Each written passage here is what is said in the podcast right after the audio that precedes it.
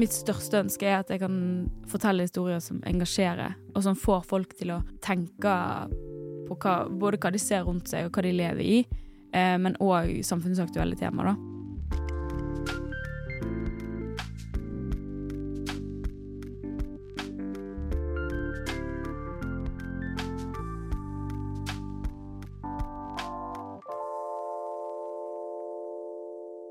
Velkommen til en ny episode av Fotopodden, kjære ørevenner og kjære seere. I dag har vi fått besøk av en eh, offisiell nykommer. Hun har akkurat vunnet en pris som årets nykommer fra Pressefotografenes klubb. Velkommen, Mathilde Solsvik. Tusen takk. Veldig hyggelig å ha deg her. Veldig hyggelig å være her. Siden du er nykommer, kan du begynne med å si litt om deg selv? Ja. Uh, ja, mitt navn er Mathilde. Jeg er 23 år uh, og kommer fra Øygarden utenfor Bergen. Og eh, er jo nå offisielt føler jeg kan kalle meg for eh, profesjonell fotograf, kanskje. Eh, har drevet med foto i ja, egentlig så lenge jeg kan huske. Men sånn starta firma i 2020. Så da var liksom starten på sånn at nå går jeg for det, på en måte. Eh, og i mine prosjekt så liker jeg å utforske identitet og kultur, og er veldig glad føler jeg kan kalle meg en ekte bygdis. Veldig glad i bygda, og syns at da fortjener, de historiene som er der, fortjener en plass i norsk fotojournalistikk. Ja. 2020, det var jo tida å starte foto Ja, fotobransjen på.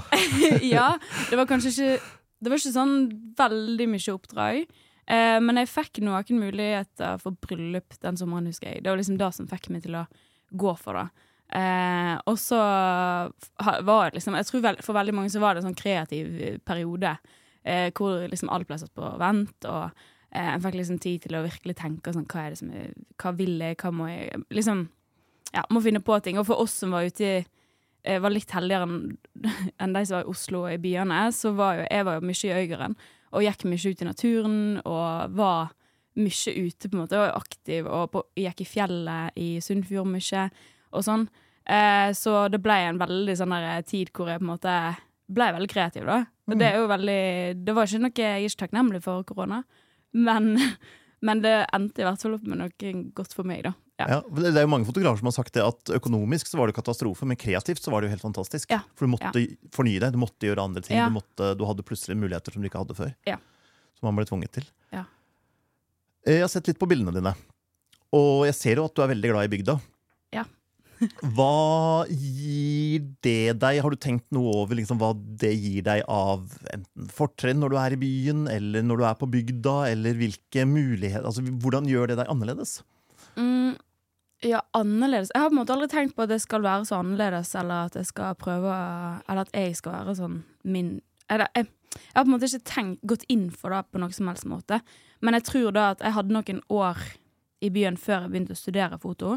Eh, bodde i London, og det var sånn superkreativt år. Og så bodde jeg i Bergen, og fikk på en måte Trodde jeg var skikkelig byjente, egentlig. Og det er veldig fascinerende. Men så når jeg på en måte bodde i byen og fikk kjenne på der, eh, den litt travlere livsstilen, og sånn, så ble jeg etter hvert veldig sånn Eller jeg tror jeg modnes til å bli veldig opptatt av dette med identitet, og hvor kommer jeg fra, og hva, hva er egentlig bygda, på en måte, og hva, hva på en måte Ja, hva, hva er det med, som egentlig skjer nå, da, med, med denne sentraliseringen og, og dette her, på en måte. Og så da å være ung, som jeg er, eh, og så tenke på disse tingene, og, og da i møte med den gamle kulturen eh, som forsvinner, eh, da ble det veldig interessant for meg. Og en ting jeg var veldig interessert i å utforske da, i mitt, eh, eller mine prosjekt. Eh, men det skjedde aldri sånn Det var aldri sånn at jeg var nå, ja, jeg kommer fra bygda, jeg går for dette bygdegreiene. Det var veldig naturlig for meg å skulle prøve på en måte å utforske dette, og hvor jeg kom fra. Og så eh, ja, så ble jeg jo da ble jeg mer obs på at dette her er jo da jeg på en måte Det her jeg briljerer, liksom. Det er her Mm. jeg på en måte eh, virkelig har hjertet mitt, på en måte, da. Og det, jeg merker da at nesten hver gang vi fikk en oppgave på studiet her i Oslo, så var jeg liksom begynte å se på Bergensbanen med en gang. Så når kan jeg komme meg hjem og liksom begynne på eh, prosjekt hjemme, da, på en måte. Så jeg var jo veldig lite her, egentlig. Eh, fant ikke så mange prosjekt her. Det, og Oslo det er absolutt Det er jo det som er veldig bra med å bo i byen, egentlig. Jeg ble veldig obs på hva jeg, hva jeg ikke fant i byen, på en måte. Og Ja. hva jeg da fant fant på bygda, da, Mm. som hjalp meg veldig. Jeg tror ikke jeg hadde klart det uten å bo i Oslo. Nei, for det hadde jeg tenkt å spørre deg om. Ja. Trengte du å komme til byen for å se bygda? Ja, Ja. ja, jeg trengte å komme til byen. Jeg, eh, jeg tror det var veldig viktig for meg. Både å bo i London, eh, Bergen og Oslo eh, var superviktig for meg for, for å finne ut ja, hva, hva det Altså, jeg måtte få det på avstand, Mm. egentlig. Og så måtte jeg òg leve dette på en måte litt enklere og mer moderne livet for å forstå liksom hva jeg hva på en måte mine besteforeldre for eksempel, og mine foreldre har, ikke har levd i. da, på en måte. Mm. Ja. Nei, for det slo meg at til å være 23 år, så ser du jo det som er, eller har vært nær deg og rundt deg hele tida, veldig godt. For det Ja. er jo det man vanligvis ikke ser, fordi Ja. det er så hverdagslig. Ja. Uh, så jeg syns det var imponerende at du hadde sett en del sånne ting da, som du har, har eh, laget prosjekter på Ja. så bra. Men det har nok noe fordi du da har reist ut av miljøet. Ja, det har miljøet. mye med det også, men jeg, jeg trengte òg å bli eh, på en måte liksom vekka på studiet, da. Mm. For jeg, det starta jo egentlig med sånn helt på ordentlig. Altså hele første semester så var det liksom bygdeting jeg ville drive med, og, og sånne ting. Og det kom nok litt av at jeg hadde studert litteratur, og var veldig, veldig glad i liksom bygdelitteratur, eller heimstadslitteratur fra bygdene i Norge fra liksom 60-tallet og sånne ting. Um, så jeg var allerede i en sånn der eh, tanke om at liksom, og det, det veldig, jeg synes det var veldig fascinerende hvordan de klarte å skildre liksom, der det kom fra. da. Og veldig vakkert å lese. Uh, men så kom jeg på en måte på studiet, og andre semester så startet jeg på den ene serien som eh, jeg fortsatte på etter hvert, da, om unge kristne i Norge. Som jeg vant med på Eller som jeg ble årets nykommer for. Mm. Um, og det begynte egentlig bare med at vi fikk oppgaver om å eh, utforske et miljø. Altså folk i et miljø. Så tenkte jeg sånn, ja, jeg kommer jo fra det kristne miljøet. Det er jo folk i et miljø. Mm. Og kanskje det er interessant, på en måte. Men jeg så nok ikke helt den på en måte visuelle kvaliteten i det. For da nettopp fordi jeg var så vant med å se, se Ja. da, på en måte. Det var helt vanlig for meg med 70-tallsgardiner, og at alt var på en måte Ja, for det var ikke et miljø du egentlig gikk inn i for å lage et prosjekt. Det var et miljø du ja, allerede jeg kom, var, ja, var i. kom fra, men Ja, hadde jo på en måte hatt det litt på avstand. Mm. For det var lenge siden jeg hadde bodd på internatskole, som jeg Ja. bodde på. Og det var på en måte lenge siden jeg hadde gått i bedehuset. Jeg, altså, jeg var fortsatt aktiv, men, men det var mange plasser der jeg var liksom ikke hadde vært på på lenge, på en måte. Mm. Eh, men så besøkte jeg broren min, som gikk på bibelskole, og på en måte begynte å fotografere dem. Og tok jo veldig mye inspirasjon fra Erlend Berge sin, sitt prosjekt som heter Bedehusland, eh, hvor han egentlig har gjort litt det samme. Gått i bedehus og tatt bilde, som jeg, som jeg syns var helt sånn fantastisk. At han kunne ta bilde av noe som sto han, eller sto på en måte meg, egentlig, da, så nært Mm. på en så fin måte. Og gjøre det så visuelt sterkt, liksom. Eh, så jeg tenkte sånn, OK, jeg må prøve å på en måte få til noe av det samme. Og så syns jeg ikke det var så spennende i starten. Og så kom jeg liksom tilbake til klassen, og så var folk helt sånn What? Er det dette du kommer fra, liksom? Og så var jeg helt sånn Hæ, er det så ukjent? Eller sånn. og da begynte jo jeg, og når de på en måte påpekte ting sånn som Ja, det er jo bare gamle møbler, eller det er jo masse Det er jo bare bibler overalt, og salmebøker. Og da, da begynte jo jeg å se disse tingene mye mer. Mm. Så når jeg da skulle ut andre gang på en måte og fortsette, så, så var jeg allerede eh, Så gikk jeg på en måte allerede inn i rommene på nytt, med et nytt blikk. Eh, og så alt på en ny måte, egentlig. For da var det litt mer utenfra Ja, på en blikk. måte. Litt. mm. Ja. Eh, Jeg hadde fått høre litt, eller fått litt veiledning og sånt, da. Og ja, og så er jeg veldig glad i å bruke lys som vel, Eller det er veldig viktig for meg. Da. Så på en måte da å prøve å kombinere liksom sånn litt, nesten litt sånn hellig lys med disse tingene som jeg har vokst opp med hele tida. Det ble liksom Det ble jo til noe ganske visuelt eh, sterkt, hvis jeg kan se det sjøl. Absolutt. Ja. Eh, jeg har sett på de bildene som, som er, var en del av den serien du vant med. Mm. Og det er veldig mye For det første er det nesten bare unge mennesker. Mm. Det er bevisst, går jeg ut ifra. Ja, ja. ja. Og så er det veldig mye om samholdet. Mm. Altså um, Hvordan skal jeg formulere det? Det er lite om troen og mye om fellesskapet. Mm. Kan Ja. du si noe om hvordan du har tenkt rundt Ja, det? det er interessant at du har sett, egentlig. Det er alltid interessant å høre andre, hva andre legger merke til. Um, ja, altså Jeg ville jo på en måte vise hva jeg kommer fra. Uh, og jeg ville også, men jeg ville gjøre det på en journalistisk måte. Så da på en måte dra inn hva jeg eh, tror, eller hva jeg har trodd, eller min trosreise i det sånn veldig konkret, ble veldig feil for meg, på en måte. For det er òg en ting som er superdynamisk og litt sånn vanskelig å bevege seg i, på en måte.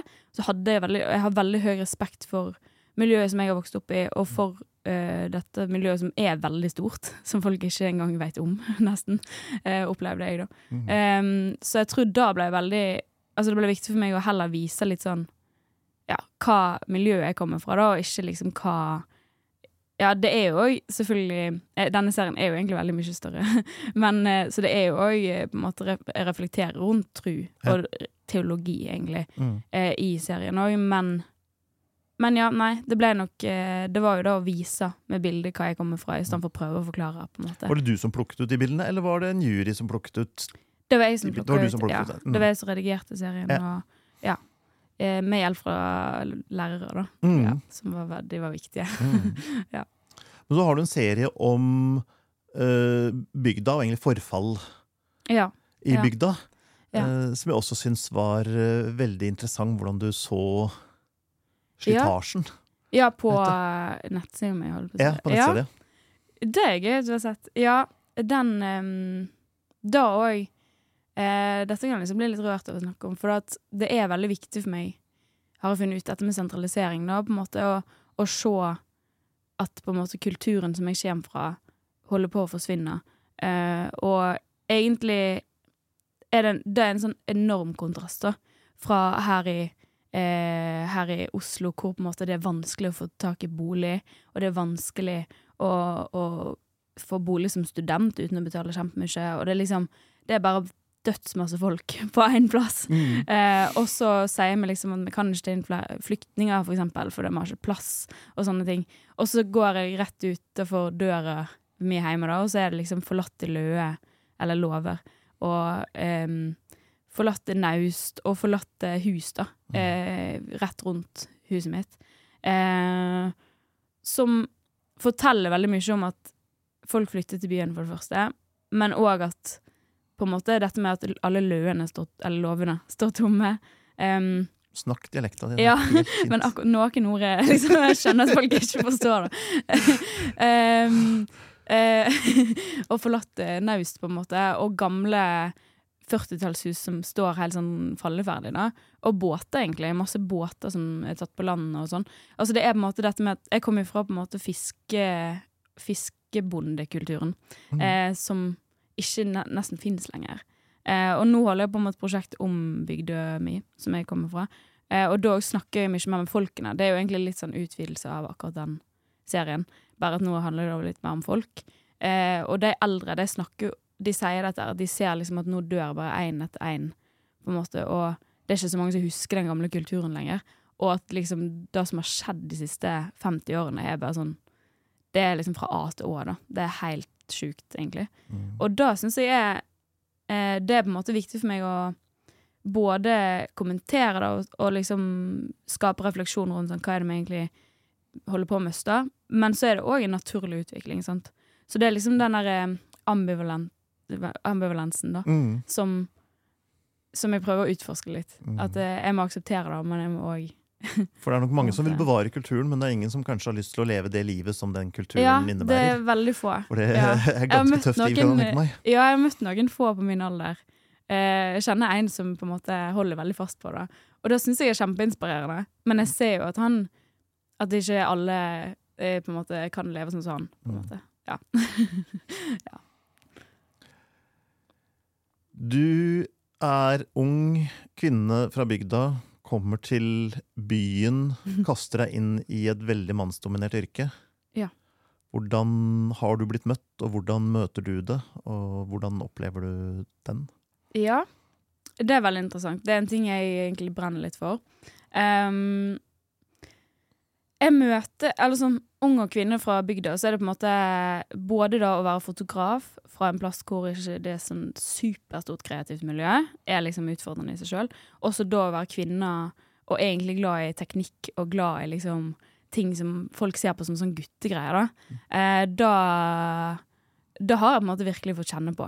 For da at jeg har vært glad i liksom tekniske ting opp igjennom alle, hele livet, egentlig. Og liksom har vært den som alltid har liksom montert ruteren hjemme og liksom fiksa internett når det kom. holdt jeg på å si. Ikke når det kom, men eh, når vi fikk trådløst og sånne ting. Mm. Eh, og har syntes sånne ting har vært veldig gøy, men har jo på en måte blitt møtt med at uh, da ikke Eller at folk egentlig har blitt imponert, da, for eksempel. Over at jeg kan være jente og kunne uh, ting om den nyeste Cannon-serien, for Ja. eksempel. Eh, og sånne ting.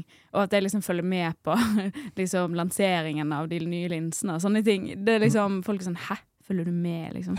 eh, og så er det sånn Ja, jeg er, jeg er bare et menneske, jeg òg, på en måte. Jeg Men det tror jeg egentlig er ment som et kompliment. ja, Det er ikke det. noe som å snakke ned deg som jente. Eller noe det er mer sånn Oi, så kult at du Ja. også gjør det. Det er veldig kult, men jeg tror man må snu det til at det er litt mer vanlig, kanskje. Mm. Og at vi jenter på en måte kan, eller kvinner kan eh, bli eh, på en måte, At det ikke blir noe sånn sjokkerende, da.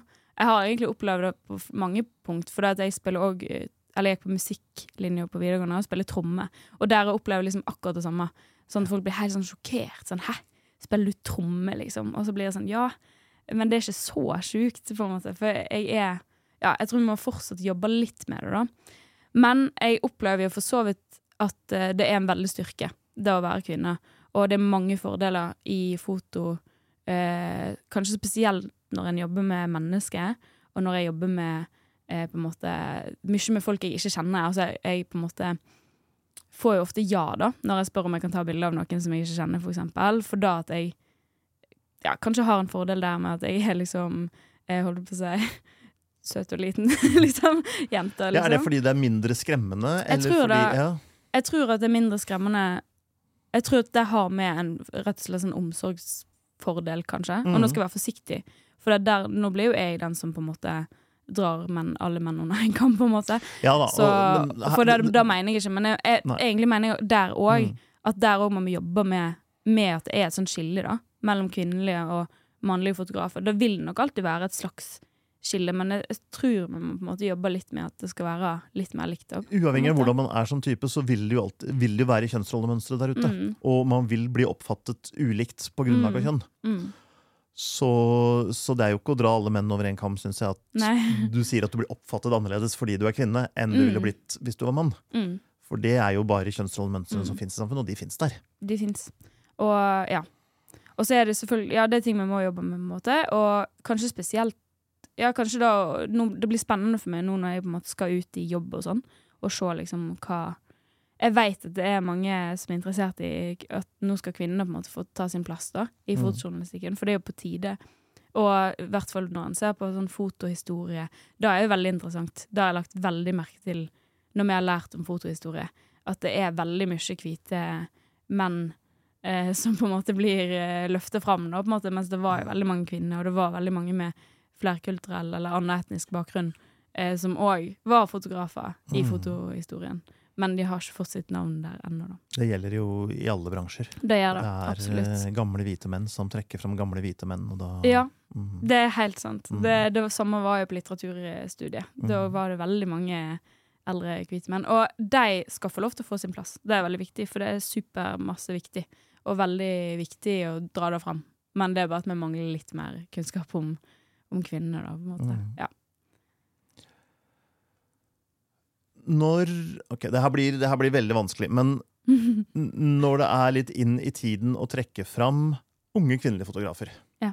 føler du det som en slags form for kvotering? At du er litt redd for å bli møtt med 'å ja, men du er her bare fordi du er ung og kvinne'? Eller ser du det annerledes, at det er så mannsdominert at det er mye vanskeligere for dere i utgangspunktet, og dermed så er det egentlig en mur? ja, jeg tror Jeg har ikke opplevd at folk tenker at å, er det bare fordi du er ung og kvinne at du er her, på en måte.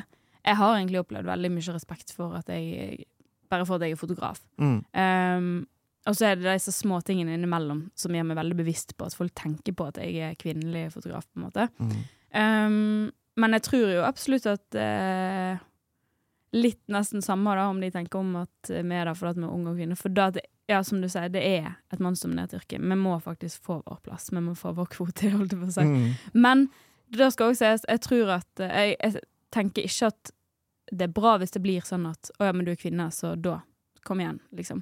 Vi må fortsatt være gode, på en måte. Mm. og vi må være flinke med teknikk. Og, eller må ikke, men på en måte vi må kunne utføre det med de oppdragene vi får. på en Mm. måte. Ja.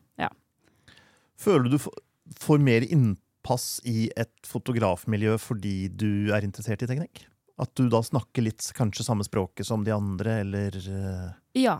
Eh, ofte. Mm. Men det spørs veldig hvor, eh, hvor du beveger deg. Altså I journalistikken så er det jo ikke så mye snakk om Nei. teknikk. Men um, Men eh, ja, kanskje når jeg, når jeg møter andre uh, Eller fotografer som beveger seg i andre uh, sjangere, men òg i journalistikk, for eksempel. Det er Mm. ofte sånne folk jeg snakker med eh, når jeg snakker teknikk. Så føler jeg jo at folk ja, folk blir veldig interessert i å snakke. Og Mm. veldig sånn OK, ta meg litt seriøst, da, kanskje. mm. Eh, men igjen, det er jo der jeg òg møter at Kanskje det at jeg må faktisk aktivt gå inn for å bevise på en måte at jeg kan teknikk. Ja. Eh, Sjøl om jeg er kvinne, på en måte. Ja. Eh, eller sånn Jeg veit hva ISO er, liksom. for da har jeg fått forklart, liksom. Og så blir jeg litt sånn Ja, jeg har tatt veldig lenge nå, på en måte. jeg Kan mansplaina til denne gangen? Ja, veldig. sant. Og så tenker jeg bare åh, ja.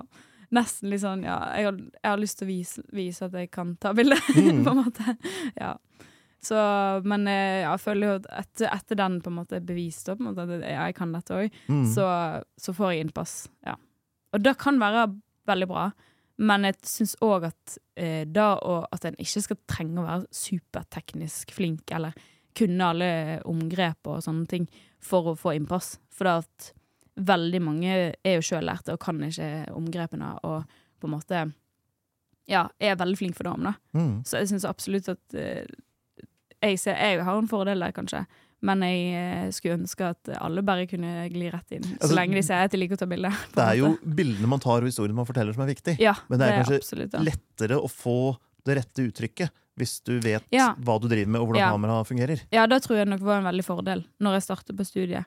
At jeg hadde jo tatt Altså allerede jobbet med bryllup hvor du må være teknisk stødig for at du har liksom den ene dagen og det ene øyeblikket her og der. Em, så jeg hadde på en måte øvd meg veldig teknisk og tatt bilder veldig lenge og var interessert i teknikk. Så når jeg da skulle starte på, med historiefortelling og, og gå inn i liksom det dokumentariske og journalistiske, så eh, trengte jeg ikke tenke så mye på teknikk. Jeg, jeg, liksom, jeg visste, jeg ville ha det sånn, og så Mm. fikk jeg det på en måte sånn som jeg ville ha det. Mm. Og det var veldig, veldig gøy å få til å liksom kunne gå inn i heller og tenke historiefortelling, i stedet for å tenke hvordan tar jeg det bildet, på en Ja. måte. Eh, men Og det førte òg videre til at jeg begynte mye med analogfoto. Som, for da, jeg ville jo lære mer, enda mer teknikk. Bli bedre på andre Liksom forstå det enda Mhm. bedre, på en måte. Så ja, så det var noen Det er en fordel, liksom, alltid, tror jeg, å være teknisk flink. For da Mm. det, det, som du sa, det handler om historien. Det handler om Ja, det, det, det er det som er det viktigste. Men da er det en fordel å ikke stresse med liksom hva lukketid du skal ha i det øyeblikket du egentlig må vite det. Ja, og kanskje særlig bryllup, for bryllup er vel noe av det mest stressende man kan fotografere. Ja, det er det nok. Ja. Hvordan føltes det første gang du skulle fotografere et bryllup, og du sto der og du var Ja. eh, ung og du visste at her, driter jeg meg ut her, så har jeg Ja. driti meg ut så til de grader at ingen vil noen gang bruke meg igjen. Ja, det liksom- det var, det var egentlig det var, eh, det var veldig gøy, men det var jo helt forferdelig. For da at det var ei av mine beste venninner som skulle gifte seg. Og da tenkte jeg sånn, da er jo ikke Da går det fint. Men da sitter du plutselig dagen før og tenker nei, nei, nei, shit. Det er min beste venninne. Hun må få de perfekte bildene. På en måte, Og da ble det veldig mye mer ansvar, plutselig. Følte jeg, da. Um, men um, Ja, jeg, jeg, så jeg var veldig stressa. Men jeg var òg vant med på en måte å hive, hive meg litt ut i ting. Og liksom være litt spontan i andre typer jobber jeg hadde hatt. Så, og med liksom egentlig veldig mange år hvor jeg hadde tatt mye bilder, så, så tror jeg jeg var mer klar enn hva jeg egentlig trodde. Så når jeg først begynte, så gikk jeg jo inn i sånn her modus, så nå må du bare få det til. Og det er jo veldig likt som dokumentar og journalistikk, egentlig. Selv om jeg på en måte en hel, altså to timer består av å si ja, smil til hverandre og eh, kyss nå, på en måte, så er jo hele resten av dagen egentlig å dokumentere og de, for, fortelle historien. Hva skjedde den dagen? Mm. Hvem er dette paret? Og sånne ting. da. Og det var nok grunnen til at jeg veldig fort fant ut at det er jo det jeg egentlig er interessert i. Mm. Ikke kanskje bryllup, eh, egentlig.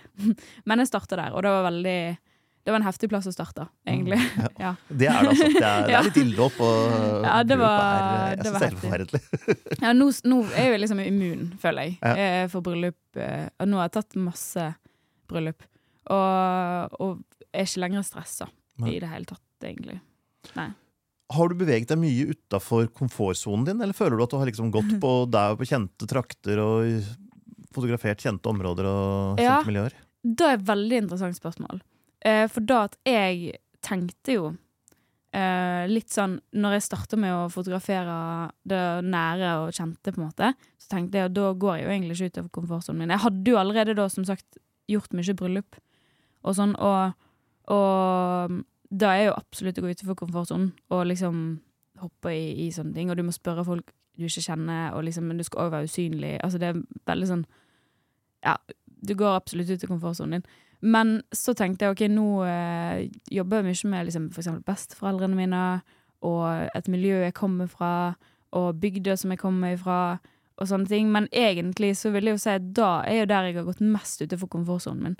For da, da er på en måte eh, Dette er folk jeg skal se igjen hele livet, liksom. Dette, de, nå når jeg holder på med prosjektet om bygda mi, så tenkte jeg det blir jo på en måte lett. Eller det blir jo på en måte bare en oppsummering av alt jeg har gjort eh, etter jeg begynte med dokumentar. Men jeg tror aldri jeg har gått så mye utenfor komfortsonen som nå. For at nå må jeg liksom spørre folk jeg har sett hele livet. Kan jeg fotografere det? Kan jeg komme inn i huset ditt som jeg aldri har vært i? Og sånne ting. Kan jeg være med med sauene dine? Og dette er jo eh, veldig mange eldre folk fra bygda som er litt sånn innadvendt og litt trauste og sånn. Eh, og så veit jeg at jeg kommer til å se det igjen liksom, resten av livet mitt. en Eller resten av livet Ja, og alle kjenner kanskje alle sånn at Alle hvis det er et eller annet som blir framstilt på litt feil måte, Ja. så plutselig så er det Ja, absolutt. ja. absolutt. For det, det er sånn hårfin balanse av at jeg må fortelle min historie av hvor jeg kommer fra, men jeg må òg Jeg har veldig mye respekt for alle de andre, så jeg må Mm. gjøre det på, en, på riktig måte. Og Ja, for eksempel. Men òg da spørre de eldre mennene som har gått rundt eh, på bygda i alle år, sånn Kan jeg portrettere deg? Og da tørre å gå liksom veldig nært på. For det, det frister jo da å bare stå ganske langt fra og liksom ta et bilde og bare gå. Og bare takk, liksom. Men da stå i det og bare sånn se at de syns det er litt ubehagelig, kanskje, og spørre kan jeg komme enda nærmere, og liksom bruke lang tid på dette her, da det er jo absolutt å gå utenfor komfortsonen, vil jeg si. Ja, virkelig. Mm. Men der må det jo også være lettere kanskje at du er ung kvinne. Ja, For tror hadde jeg. jeg gått og gjort det, så tror jeg det hadde vært mye mer Ja, og da at jeg kommer derifra, er nok det er veldig viktig for deg. Ja, de spør jo De spør ofte eh, Ja, hvem, hvis jeg ikke er sikker på hvem jeg er, for jeg har jo forandret meg litt siden jeg var liten, og jeg har bodd mange år vekke nå, så spør de alltid først eh, Ja, hvem er du dattera til? mm. Altså, ja, og så må jeg liksom forklare Det, jeg, jeg, det er Mathilde Solsvik. Eh, Å ja, ja, OK. Og da liksom, da er du innpass. Sånn, da, OK, du er herfra. Da kan vi snakke med deg, nesten. så at, og det er jo veldig, veldig interessant. Hvorfor? Men det er jo sånn det er på bygda, på en måte. At, eh, ja. Hvordan, jeg har alltid bare bodd i byer, men hvordan føles det å være Å bli tillagt egenskaper i kraft av hvem du er barn av? Ja, ja. Ja, da er noe av det um, Ja. Veldig, veldig, veldig interessant tema. Uh, og noe jeg liksom har eh, på en måte slet litt med.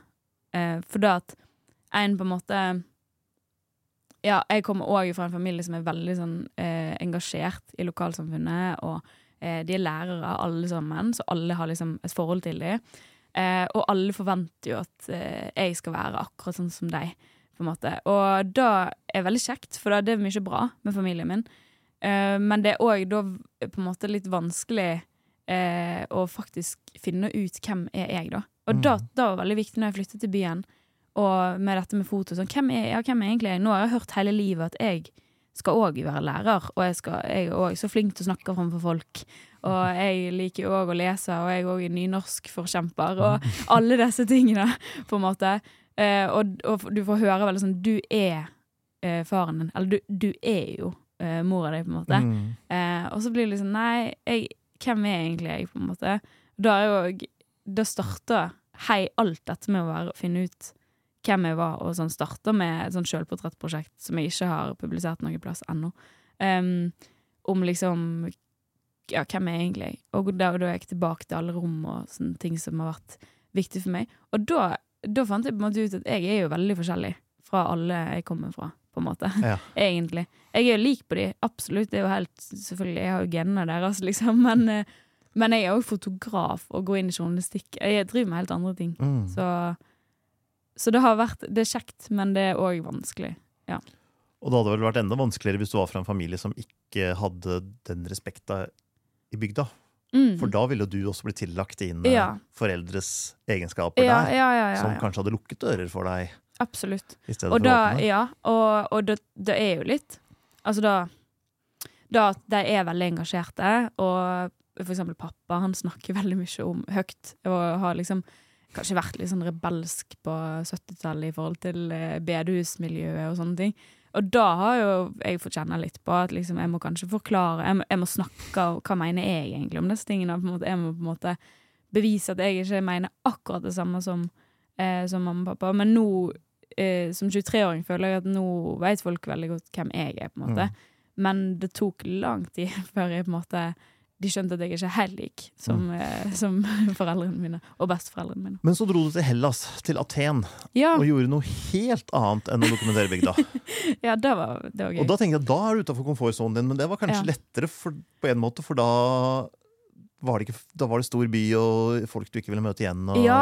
Eh, det er kjempeinteressant. Eh, hvordan jeg på en måte klarte å komme veldig nært på, egentlig. Eh, mange unge folk på ei uke, Fortell om det prosjektet. Jeg reiste for eh, og Universitas, og så skulle vi dekke egentlig dette med den økonomiske krisen som var i 2008 i eh, Hellas, eller hvordan den fortsatt rammer Hellas, da. Eh, og så skulle vi òg dekke liksom studentlivet, eller da, hvordan de unge har det i Hellas. Eh, og så skulle jeg jobbe med en fotoreportasje på SIO, og fant jo på en måte ut at em, det er ikke noe lett å være ung i Hellas. Og det var veldig fascinerende, for jeg så at de er veldig lik det er, det er en veldig vestlig kultur, på en måte. Det er veldig likt på mye av det eh, på hvordan det er å være student i Norge. Men de opererer med en stat som er ganske korrupt, og en stat som eh, har satt ut politi på campus for å på en måte ikke få at, Eller for at det ikke skal være noe politisk engasjement mot staten. Så, så det er jo egentlig en ytringsfrihet som er trua, og et demokrati som er trua. Som er litt ironisk, for da Hellas er jo liksom eh, der det kommer fra opprinnelig. Um, og da på en måte Ja, da skulle jeg prøve på en måte å komme nær på det. Så egentlig bare komme, forstå hva, hva, hvordan er det å være ung i, i Hellas og i denne situasjonen. Og opplevde jo veldig at til tross for at jeg syns at det er helt eh, krise å tenke på framtida med masse arbeidsledighet, og med ja, at en stat som blir mer og mer konservativ, egentlig, eh, så var de òg bare unge, da, på en måte, og, og levde det veldig veldig fint i lag og hadde et veldig fint samhold. Noe som var veldig forskjellig fra det som jeg ser i Norge, egentlig. Um, og det var nok en stor grunn til at det prosjektet ble som det ble, for at da er jo på en måte en mye mer åpen kultur. De er veldig sånn eh, Veldig sånn der, Ja, men du kan bare sove her, liksom. Du kan bare, ja, kom inn med et middag her, liksom. Og, og vel, de er veldig, veldig åpne, da, i forhold til her i Norge, hvor vi på en måte prøver å unngå blikkontakt når vi går på gata, og sitter ikke med hverandre på bussen og sånne ting. Eh, så da gjorde Jeg måtte absolutt gå utenfor komfortsonen min, men jeg tror nok jeg gikk inn i en veldig sånn Nå er jeg på reportasjetur, og jeg har denne veka, og jeg kan ikke bare reise tilbake, på en måte. Og måtte liksom bare Ja, men da må jeg bare bli kjent med folk. Og så var jeg med en veldig flink journalist som heter Eline, som eh, var òg veldig, veldig gira på å bare bli kjent med mange folk. Så vi to i lag var jo et team som på en måte blei veldig fort kjent med folk, egentlig. Eh, og folk var veldig åpne. Jeg opplevde også at folk ville snakke om dette her. Folk syns det er helt sjukt at ikke eh, vi for eksempel visste om dette her, sant? og at det ikke blir dekka i media, egentlig, deres side av saken og sånn. Ehm, ja, og vi ble godt kjent med mange som engasjerte seg politisk, som anarkister og kommunister, som er veldig vanlig som, blant studentene der, da. Veldig annerledes fra her. Mm. Um, men ja, nei, de var veldig åpne. Eh, veldig sånn Ja, veldig gira på å på måte snakke om dette på en måte, og, og vil, ja, det virker som at de virkelig var engasjerte. Da, da tror, da, jeg ble jo møtt veldig med at da tror jeg vi trenger her i Norge òg, egentlig. Eh, men jeg tror at vi har det så godt at vi, vi, på en måte engasjerer oss litt, og så trenger vi jo egentlig ikke engasjere oss så mye. Mens der, når du virkelig får kjenne på at dette gjelder de på ekte, liksom, det kan hende de ikke får jobb. Det kan hende de aldri kommer seg ut av denne situasjonen. Så, så vil de jo Det vil skape et engasjement, sant. Mm. Men, eh, men jo, det var absolutt å gå utenfor komfortsonen. Da å bare stå opp og bare få en melding. Ja, du kan komme til kollektivet vårt eh, klokka ti hvis det passer. Og så var det litt sånn, OK. Så hadde jeg fått beskjed sånn Du burde egentlig ikke gå i den gata alene. Så da spurte de sånn Kan jeg gå i den gata alene? Og så de bare Ja, før da og da på dagen kan du gå der alene. og da var jeg litt sånn Ja, nå eh, hopper jeg uti der, altså. Mm. Men jeg måtte bare gjøre det. og Det var, det var veldig spennende, og absolutt noe jeg virkelig vil drive med, egentlig. Mm. og liksom noe som har lært meg veldig mye om det å jobbe som fotojournalist. Mm. Ja. Hvor viktig er det å lett komme innpå disse menneskene? Altså, du må vel ha noen egenskaper Mm. for å både bryte isen og inn- inn- inn- ynde deg, hvis man skal kalle det det, Ja. Hos folk, og ønske å gjøre det. Mm. ja. Jeg er jo eh, veldig, veldig glad i folk. Eh, og veldig nysgjerrig. Sånn, da har jeg liksom alltid vært veldig, veldig nysgjerrig på folk og deres historie. Eh, og da tror jeg jo er alt, på en måte, i hvert fall med sånne prosjekt som jeg driver med, at jeg må ja, jeg må rett og slett komme inn på de, på en måte. Men jeg tror ikke du kommer inn på de hvis ikke du egentlig er interessert. Eh, For da tror jeg vi mennesker merker jo veldig fort når folk egentlig ikke er interessert, eller egentlig ikke er engasjert, når det Mm. er på en måte falskt. Så da å på en måte faktisk være engasjert og ha lyst til å fortelle andre sin historie, det tror jeg er veldig viktig. Og så går det an å drive med dokumentar og journalistikk som, hvor en ikke jobber sånn, på en måte. Men hvis en skal jobbe sånn som jeg har gjort, med å ja, komme inn under huden på måte på forskjellige Både eldre og yngre og alt imellom, Mm. så må en på en måte faktisk ha en ekte, genuin interesse, da. Mm. Og da er veldig Det er jo absolutt gøy for meg å være så interessert i folk. Men det er litt slitsomt òg. Eller sånn jeg på en måte går rundt og liksom Ja, elsker å snakke med folk, for eksempel. Og da er jo litt, litt typisk norsk, kanskje. Og liksom har lyst til å snakke med fremmede. Og syns det er veldig lett å snakke med fremmede. så, så på en måte Av og til må jeg liksom holde igjen. sånn som i går på toget. Da satt jeg ei, og så tenkte jeg sånn Nei, ikke liksom Nå må du ikke snakke med henne resten av Var det lettere i Hellas sånn generelt? For der er vel Ja, det var, det var veldig De hadde jo bare lyst til å fortelle livshistorien Mm. med en gang. Det bor en liten greker i deg. Ja, ja kanskje, faktisk. Da, og da tror jeg nok Altså, når jeg flyttet til England Bare da var det sånn deilig for meg. Og der er de jo ganske lik på nordmenn. Men det er mer åpne. Mm. De, er, de, de, de sier jo 'hello, love', liksom. Og Mm. er veldig bare der, på en Mm. måte. Og hvordan de eh, snakker med meg og er veldig høflige. Mm. Da, da var veldig sånn 'oi, dette liker jeg'. Da, og da var jeg 18 når jeg flyttet til England. Og fant jo veldig fort ut at liksom dette er jo egentlig litt sånn jeg er, på en måte. Og så, ja, sånn som i Hellas, da var jeg jo bare i mitt ess, på en måte. For da, da bare stikke hjem til et kollektiv og eh, drikke vin og ete oliven, på en måte. og snakke om livet på en helt avslappet måte. Det var veldig, veldig fint. Ja. Vi blir ganske hyggelig åpne vi oss når sola skinner og sånn Ja. kommer. ja. Og i Oslo er det jo litt annerledes igjen. Ja. Der er jo folk litt mer utadvendte, på en måte. Mm. Jeg kommer jo kanskje fra en litt mer um, ja, traust plass, på en måte. Mm. Men, men så kommer jeg òg fra det kristne miljøet, eh, og der er det veldig mye Det er et helt annet miljø. Det veldig For, for det første så eh, Altså, du blir jo det er ikke så mange alltid overalt som er skjøn, kjenner til miljøet, på en måte. Så når du først er i lag, så blir du veldig gira, og er veldig sånn uh, Ja, at det skjer mye gøy, da. Men vi går på leir, og vi på en måte danser til barnesanger helt til vi er liksom 25. Det er helt sånn Det er veldig mm, rart i miljø, kanskje. Mm. Men det er mye samhold og veldig mye Ja, for eksempel mye klemming, eh, liksom. Når du møter Og du møtes jo hver søndag på gudstjeneste, sånn, så da er det er nok mange møtepunkt og ting og et eh, samhold, på en måte, da. Og en eh, tilhørighet som en føler på, som jeg tror jeg òg er veldig vant med. Og som Mm. gjør at jeg kanskje er litt annerledes fra. Men er det ting der som da er, van er vanskelig å, å snakke om, eller vanskelig å ta opp fordi det griper inn i noens tro eller noens oppfatning av rett og galt? Du har jo eksempel snakket om både ringen i nesa, om tatoveringer og sånne ting. Mm, Ja. ja, det er jo eh, veldig, veldig mange diskusjoner i, om alt mulig inni eh, på en måte de fleste religiøse miljøer, egentlig. Eller blant eh, truende. Mm. Um, men um, jeg vil jo si at det er ganske likt Egentlig så det er ganske likt som utafor disse miljøene. At det på en måte du, du har jo Det er jo akkurat det samme som hvis du går på universitetet og noen sier, snakker om litteratur og hva som burde bli inkludert på pensumlista. Folk, folk har alltid meninger om, om noe. Noen er mer konservative av natur. Mm. De liker ikke endring. De vil, for eksempel i den kristne bobla, de vil ikke at det skal være greit med tatovering, for eksempel.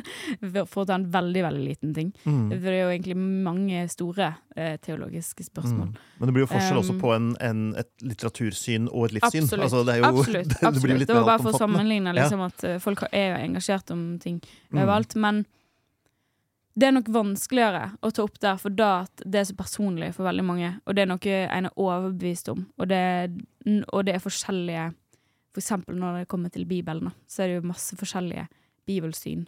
Eh, og bare der, liksom, hvis du, har, hvis du snakker med noen som har et annet bibelsyn enn deg, så er det allerede vanskelig å skulle diskutere, for du har et Mm. helt forskjellig utgangspunkt og helt forskjellig måte å, å på en måte praktisere dette på. Så det, det, er veldig, det, er veldig, det er veldig spennende, og noe som jeg absolutt tar, med meg overalt, egentlig. Da jeg må være vant med å snakke om de store tingene, og være egentlig vant med å være uenig. Det er en ting jeg har blitt veldig trent på, kanskje. At en vet at her er vi veldig uenige, men vi fortsatt på en måte har jo liksom blikket festet på, på en og samme ting, på en måte, da. Mm. Eh, som ja, er veldig lærerikt i forhold til hvordan du møter folk med forskjellige holdninger. Mm. Ja. Ja. Du har en fotoserie som ligger ute på nettet om feminisme, egentlig. Mm. Om kvinner føre nå og kvinners posisjon. Ja. Var det vanskelig å lage i, altså, så da, fra det relativt konservative kristne miljøet du kommer fra? Ja, ja. Var det kontroversielt? Nei Um, Jeg var på en måte Det var noen bilder jeg hadde lyst til å ta som jeg ikke har tatt ennå. For jeg har tenkt sånn Hvordan skal jeg på en måte vinkle det? Men jeg opplever ikke det som noe vanskelig, egentlig. Uh, jeg kommer kanskje fra en plass hvor det er mye konservative holdninger og sånn. Men, eh, men jeg kommer jo fra en ganske liberal familie. Så på en måte, jeg har jo ja, vokst opp eh, med mamma som er veldig feminist, og pappa egentlig. Eh, så mm, Selv om noen av bildene der kanskje er litt eh, på en måte en kommentar til det kristne miljøet, og hvordan det fortsatt kan være i noen kristne miljø, for det er jo mange forskjellige små miljø, eh, så så tror jeg ikke at noen så på det som kontroversielt, men heller at de på en måte Ja, jeg kan, ja, jeg kan kanskje av og til bli sett på som eh, litt sånn superfeminist, for eksempel, eller veldig liksom aktivist. Mens hvis jeg kommer utafor miljøet, så er jeg bare en Det er ikke så mange som tenker over det. Nei? Så ja. Så på en måte ja, men ikke Jeg vet ikke, vet ikke om jeg vil liksom dra det så langt og si at det var liksom sett på som kontroversielt heller. på en måte. Nei, det er jo ikke en veldig kontroversiell bildeserie. Nå er det jo vanskelig Nei. på podkast å, å vise den, Ja, men, uh... Men det er absolutt Det er jo da at jeg er veldig Nå, nå avbrøt jeg deg litt, sorry. Men det er jo kanskje da at jeg er ofte opptatt av å ikke eh, være politiker, eller være veldig politisk i seriene mine, men ha på en måte eh, Skape refleksjon, da, på en Mm. måte. Så derfor blir det kanskje ikke kontroversielt, men ja, hvem vet, kanskje. Jeg holder fortsatt på med den serien, og jeg har liksom Jeg har noen bilder som jeg tror at kan bli mer utfordrende. Har du ønske om å være kontroversiell? Har du ønske om å finne en barrikade og stå på og dokumentere Mm, jeg har ikke ønske om å være kontroversiell. Eh, jeg har egentlig Mitt største ønske er at jeg kan fortelle historier som engasjerer, og som får folk til å eh, tenke på hva, både hva de ser rundt seg, og hva de lever i, men òg samfunnsaktuelle temaer. For jeg opplever kanskje at det er veldig mange som, sånn som jeg nevnte så vidt at det, i stad, med at folk er Kanskje mm, ja, de, de, Vi har det veldig godt i Norge, da. Og, og veldig mange stiller seg liksom likegyldig til mange store tema. Så der, der syns jeg det er veldig viktig på en måte, at vi er engasjerte, da. Og tenker over ting. Og tenker over ja, de store spørsmålene og de små historiene, på en Mm. måte. Så det er jo egentlig mitt ønske. Eh, om det krever at jeg av og til gjør kontroversielle ting, For det engasjerer vel mer hvis du er litt kontroversiell, gjør det ikke det? Jo, jo, det gjør jo det. Og på en måte Jeg tror nok alltid jeg tror nok alltid jeg kommer til å ha et snev av sånn kontroversielle eh, ting i seriene mine og prosjektene mine. For eksempel å ta bilde av broren min i bar overkropp. Eh, og liksom skriver på bildeteksten at dette er på bibelskolen på internatrommet. Der er det jo mange som allerede ser en, en kontrast. Ja, men hvorfor, hvorfor ligger han der når du snakker om bibelskole? Og så, det er jo ikke egentlig kontroversielt, men å få fram litt kontraster og ta litt sånne bilder for å vekke tankene til folk, det tror jeg liksom jeg alltid kommer til å gjøre. Det syns jeg er veldig gøy. Mm. Ja. Jeg ser på en del av bildene dine, så er de Mange av dem er mørke. Altså ikke Mm. nødvendigvis i symbolikken, men i eksponeringen. Mm. Hvor bevisst bruker du det? Det er veldig fascinerende. Eh, det er jo noe som jeg alltid blir trukket mot, liksom. Når jeg tar bilde. Det er ikke sånn at jeg tenker på forhånd Nå skal jeg liksom Å, nå ble det sol. Egentlig var jeg veldig redd for sol før. Jeg var veldig sånn Sollys er det verste tenkelige, på en måte. Helt frem Altså, det er veldig mange fotografer som kjenner seg igjen og tenker at overskyet er liksom Det er det beste, og sånn. Men så lærte jeg jo meg på en måte hvordan jeg kunne bruke sollyset. Eh, og etter hvert år så skjønte jeg jo at dette her er jo noe jeg liksom elsker, på en måte, å leke med sollyset. Og på den måten, og de kontrastene som Og, og, og fortelle historier gjennom det virkemidlet, da. Um, så det er ikke alltid bevisst på forhånd. Det er ikke sånn at jeg går inn og tenker ja, nå er det sol, da skal jeg ta et mørkt eh, Eller ja, et bilde med stor kontrast der, på en måte. Uh, men ender ofte opp med å gjøre det, da. Så det er nok noe jeg bare Som etter hvert blir veldig en del av min stil, da. Mm. Så ja. Men jeg ja, liker veldig godt når det er sol. Ja. Det, på analogt kamera er det veldig mye vanskeligere. Ja. Da, ja, men med mitt uh, Canon-kamera så er det liksom Det er bare en gave når, jeg, når det er sol. Og når jeg Mm. kan være inne og styre litt lys hvor sola kommer. Og, ja, Ja. det er gøy. For jeg ser du bruker av og til sollyset til å lage mørke bilder. For eksempel et Mm. av, av bestefaren din, tror jeg, etter at han ble enkemann. Mm. Så Ja. kommer det sol inn vinduet, men det Ja. bruker du som et motlys, sånn at Mm. resten blir Der inne blir det mørkt. Mm. Og så er det lys der ute. Og det kan man jo tolke mye inn i. Ja, det er jo ja, absolutt en måte jeg liksom forteller historiene på, på en måte. Mm. Om, det, om det handler om på en måte sorg, eller da å se noe der ute og være i et mørke, på en måte. Det, det kan være en måte å gjøre det på. Men, òg for å på en måte Med et bilde av mine besteforeldre under ei dyne, så er det jo på en måte målet mitt å få fram at de er litt i sin egen verden. Og Mm. da er det liksom lyset som treffer deg, og alt annet som på en måte er irrelevant. Mm. på en måte. Sant? Det er et Så, herlig bilde. ja, takk. Men da Ja, så jeg bruker det på forskjellige måter. Mm. Og når det kommer til den unge kristne serien som jeg òg har tatt mange andre bilder til, så er det ofte liksom at jeg bruker det som en spotlight, på en måte, da. På, ja, på et kors, på et smykke, på eh, liksom det jeg ønsker på en måte å isolere, da. Ja. Mm. Mm. Bruker du kunstlys, eller bruker du naturlig Nei, jeg bruker Ja, eh, jeg bruker absolutt mest naturlig lys. Mm. Naturlig lys er mitt eh, Det er det jeg liker best. Men akkurat i serien om eh, den eh, om bygda og, og sånn, så har jeg tatt litt blits på natta. Mm. Men det er liksom det, det lengste jeg eh, Ja. Ja. Jeg, jeg kan Blits syns jeg er gøy. Mm. Eh, men naturlig lys eh, og sola, da, som min venn, er liksom Da jeg på en måte Da kan jeg heller bruke gardiner til å styre sollyset. Mm. Ja. Men du kommer jo fra Vestlandet, du kan jo ikke regne med at den sola er der. Nei, da Men det er veldig Da er en ting jeg har eh, funnet ut i den serien jeg holder på med nå. At da å på en måte ta været som jeg kommer fra, som er fire årstider på én dag, og bruker da i foto, er egentlig kjempe Tre år siden, for det er vel aldri, ordentlig vinter? eller? det ja, nei, det er helt sant. Jo, ja, jeg har fått litt snø, snøstorm på noen bilder. Eh, og så har det blitt sol rett etterpå, og så er snøen plutselig vekke på kvelden. Og det er helt sånn Det er egentlig helt fantastisk. Uh, og det, det er en ting jeg før hata, og tenkte jeg vet aldri hvordan en dag blir. Jeg kan aldri planlegge, jeg kan ikke sole på Yr. Det er bare til å glemme. Uh, sånn, det, ja, det er ikke vits i. Men, uh, men det ser jo ofte ut som at jeg har vært jobba med det prosjektet i he et helt år. Men så kan jeg ha tatt alle bildene på én dag. så, så da måtte jeg ta, ta og heller omfavne den muligheten. Da, da har jeg lært. Mm. Og òg at det blir veldig mye spennende lys og farge på himmelen. Og ja, et helt spesielt eh, vær, egentlig. Og det er jo absolutt det jeg kommer fra. Som, jeg, jeg hadde lyst til å bare ta bilder når det var sol. Ja. Men det er jo ikke det jeg kommer fra. Jeg har nesten ikke sett sol i livet mitt.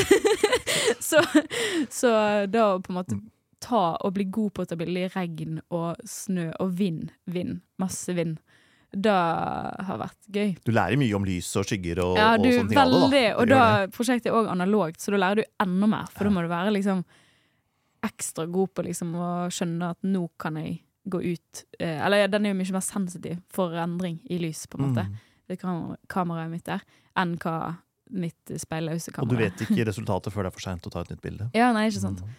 Så ja. Ja, nei. Mm, gøy. Hvor er du om fem år? Oi.